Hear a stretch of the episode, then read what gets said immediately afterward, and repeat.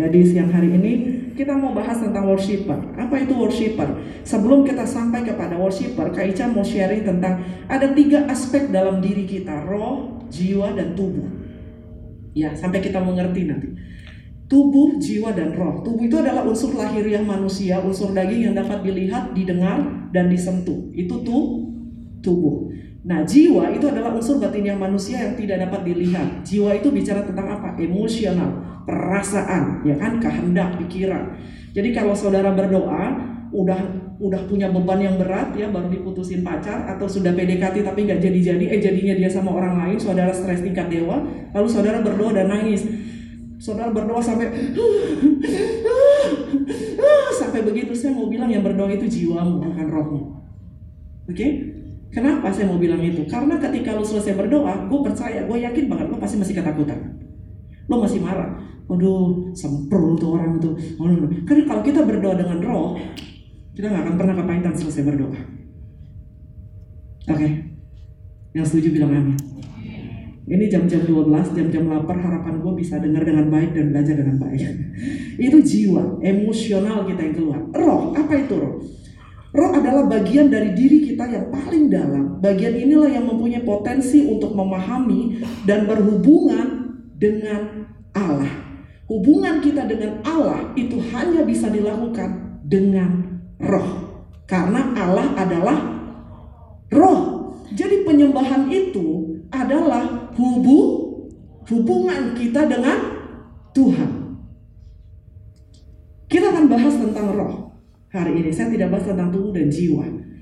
Kenapa? Kita sedang berbicara tentang penyembah, penyembahan, menyembah. Kalau kita bicara tentang tiga hal ini, kita sedang berbicara tentang roh.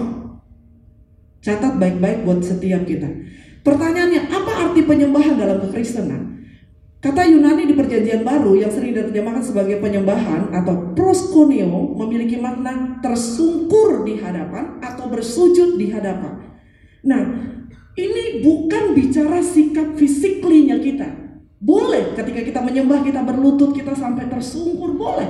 Tapi yang paling urgent adalah penundukan diri roh kita, iman kita, hati kita kepada Allah, mempercayai penuh bahwa dia Allah yang sanggup melakukan perkara yang besar.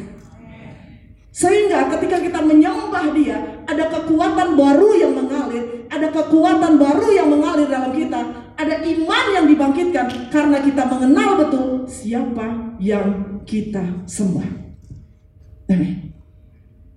Yang memampukan kita melewati batas ambang ketakutan kita yang luar biasa adalah ketika kita bertemu dengan Tuhan dalam roh. Kita lanjut belajar berikutnya.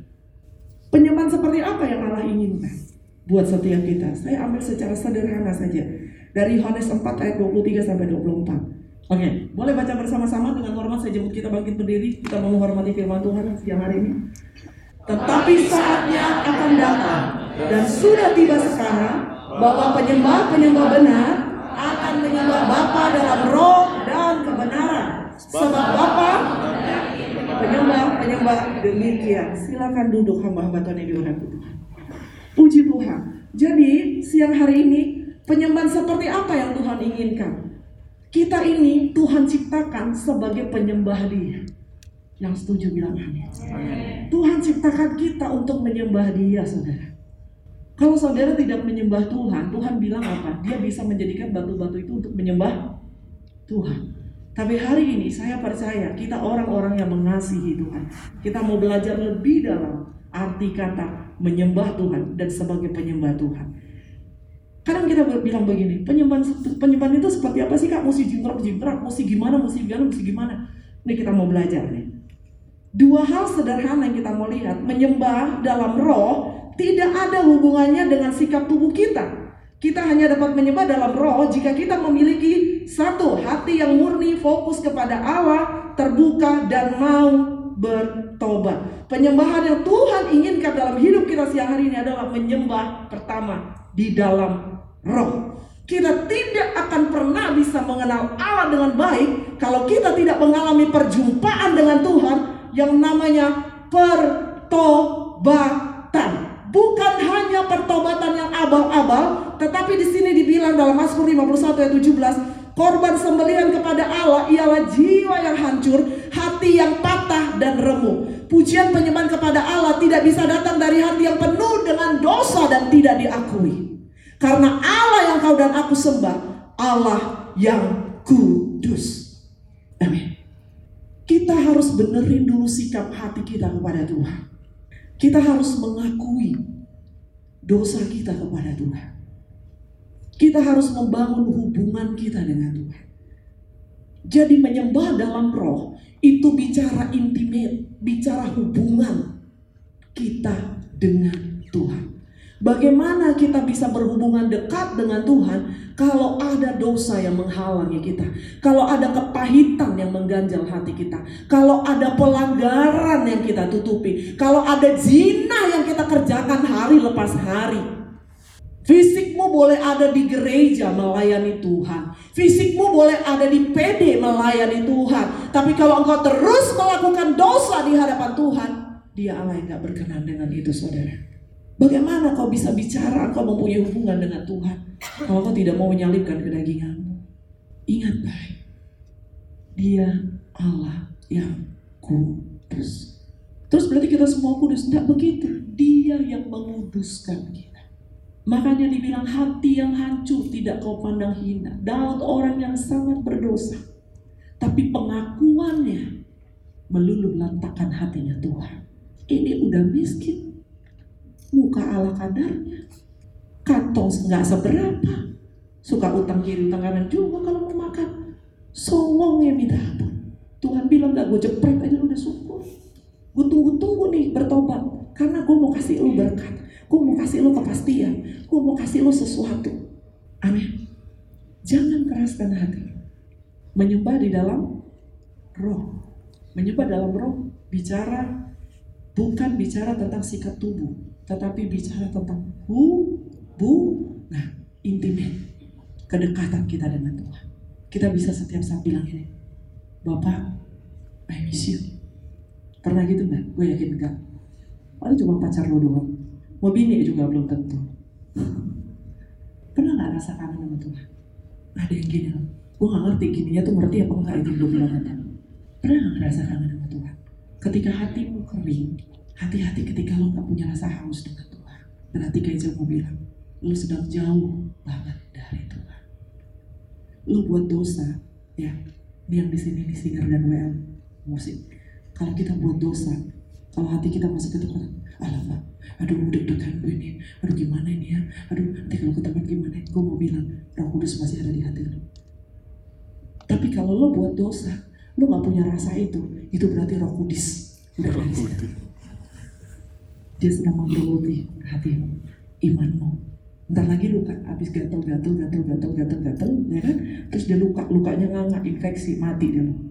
Tapi kalau kita masih itu yang dimaksud tuh, ada sesuatu, aduh, ya Tuhan Yesus ampuni Tuhan, aduh Roh Kudus, tolong. Ya, itu tuh yang Tuhan suka tuh.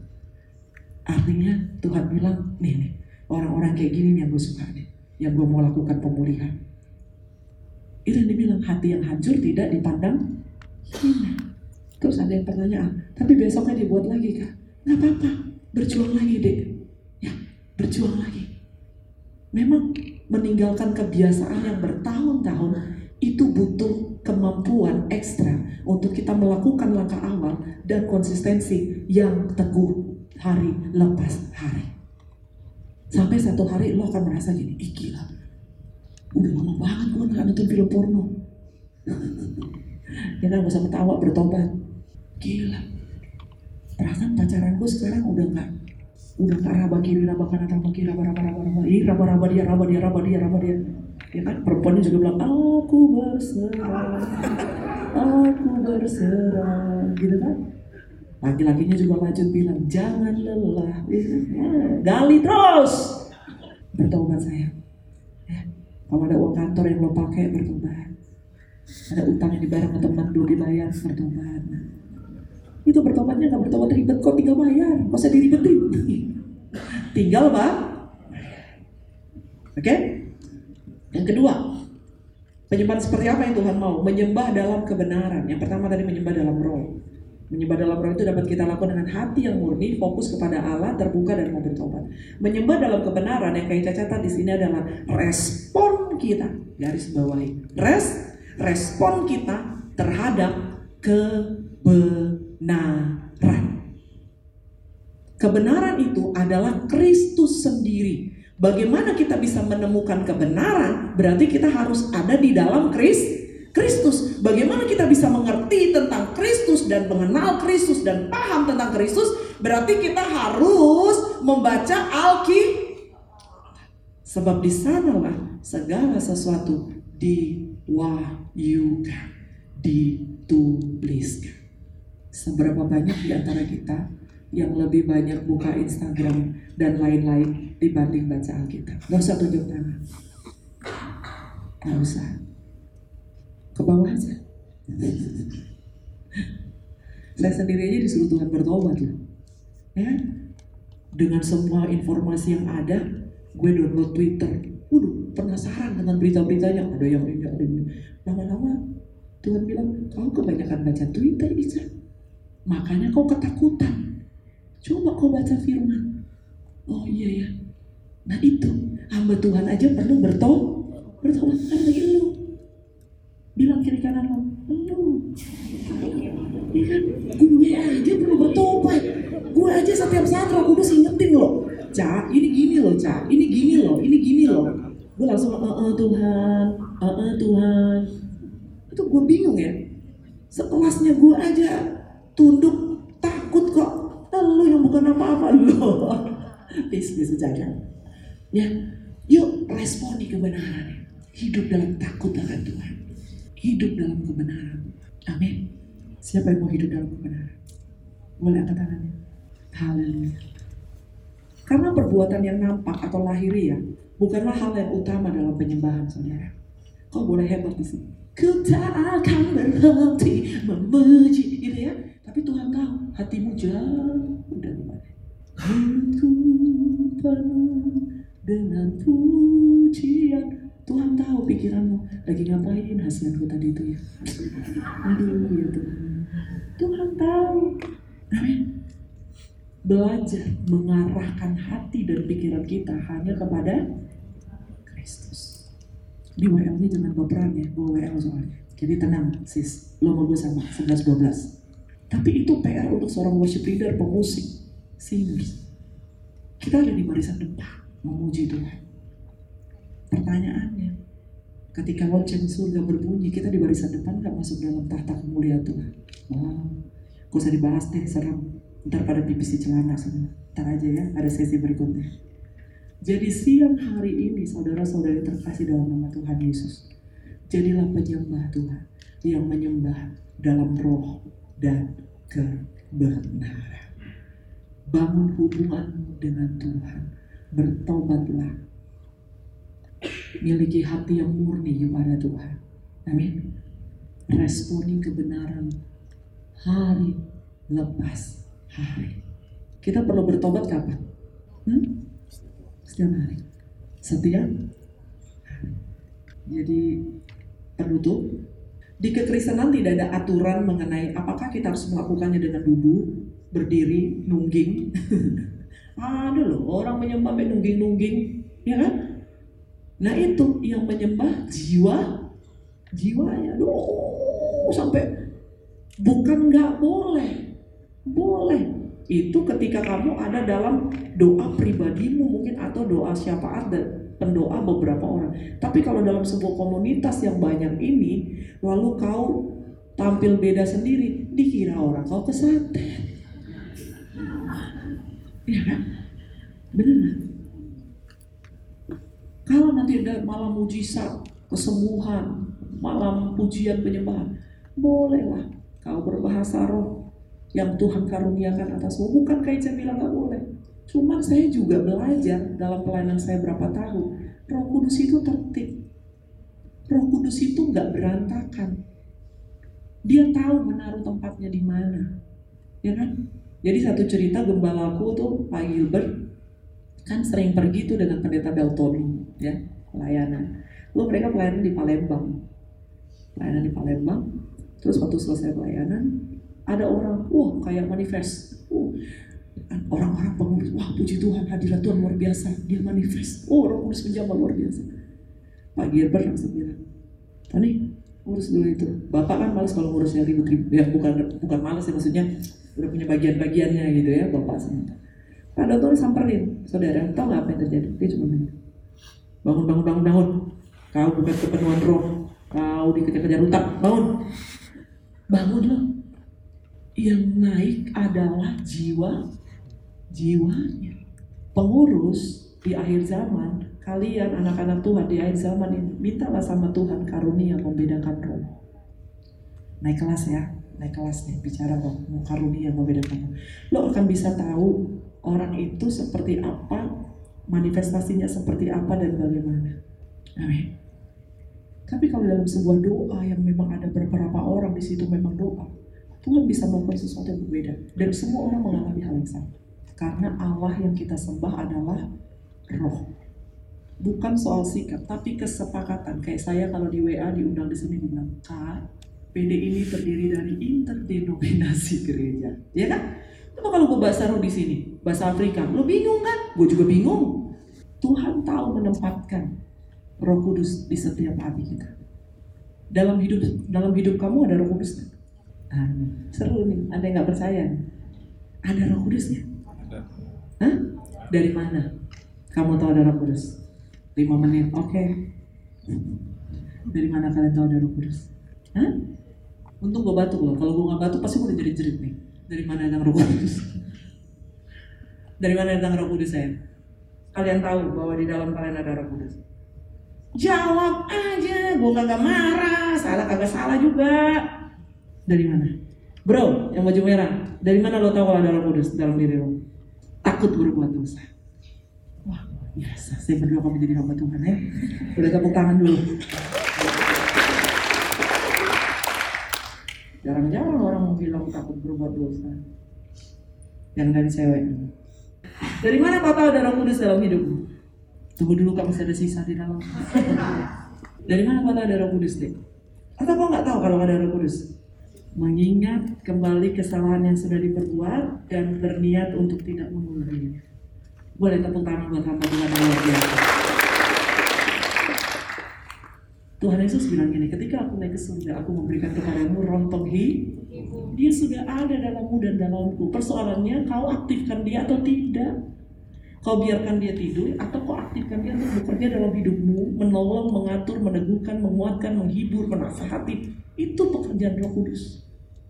Menginsafkan itu pekerjaan Roh Kudus. Amin. Jadi dalam hidupmu dan hidupku ada Roh Kudus. Nah itu roh kudus yang membantu kita untuk berdoa dan menyembah kepada Tuhan. Dengar-dengar dia bilang apa? Kalau dia bilang jangan, jangan, jangan. Kalau dia bilang nggak boleh, nggak boleh saudara. Jadi menyembah Tuhan bukan hanya bicara tentang si sikap, tapi bicara tentang liturgi dalam sebuah gereja atau bicara tentang tata cara dalam sebuah gereja itu ditanyakan tadi oleh pengurus Bagaimana sih sikap kita menyembah Tuhan? Apakah kita bertepuk tangan? Intinya cuma satu. Lakukan segala sesuatu dengan segenap hatimu. Kalau engkau bertepuk tangan, tepuk tanganlah dengan segenap hatimu. Kalau engkau mengangkat tangan, angkat tanganlah dengan segenap hatimu. Kalau engkau harus berlutut ketika engkau menyembah Tuhan, mengangkat pujian penyembahan kepada Tuhan, engkau lakukan itu dengan rasa penghormatan dan takut akan Tuhan. Itu poinnya. Raja Daud juga menari-nari dikatakan seperti orang gila. Karena itu pujian yang terbaik yang dia mau berikan kepada Tuhan. Amin. Kadang-kadang kita perlu mengekspresikan sikap kita kepada Tuhan. Tapi tidak mengurangi nilai dari pujian penyembahan itu. Amin. Jangan juga orang pujiannya udah musiknya udah enak lu gini dong. Ntar lalu lewat lu jatuh. ya kan? Nggak salah juga kalau anda bergerak. Kalau di sini, soalnya udah enak loh musiknya luar biasa keren. Tepuk dong buat musik.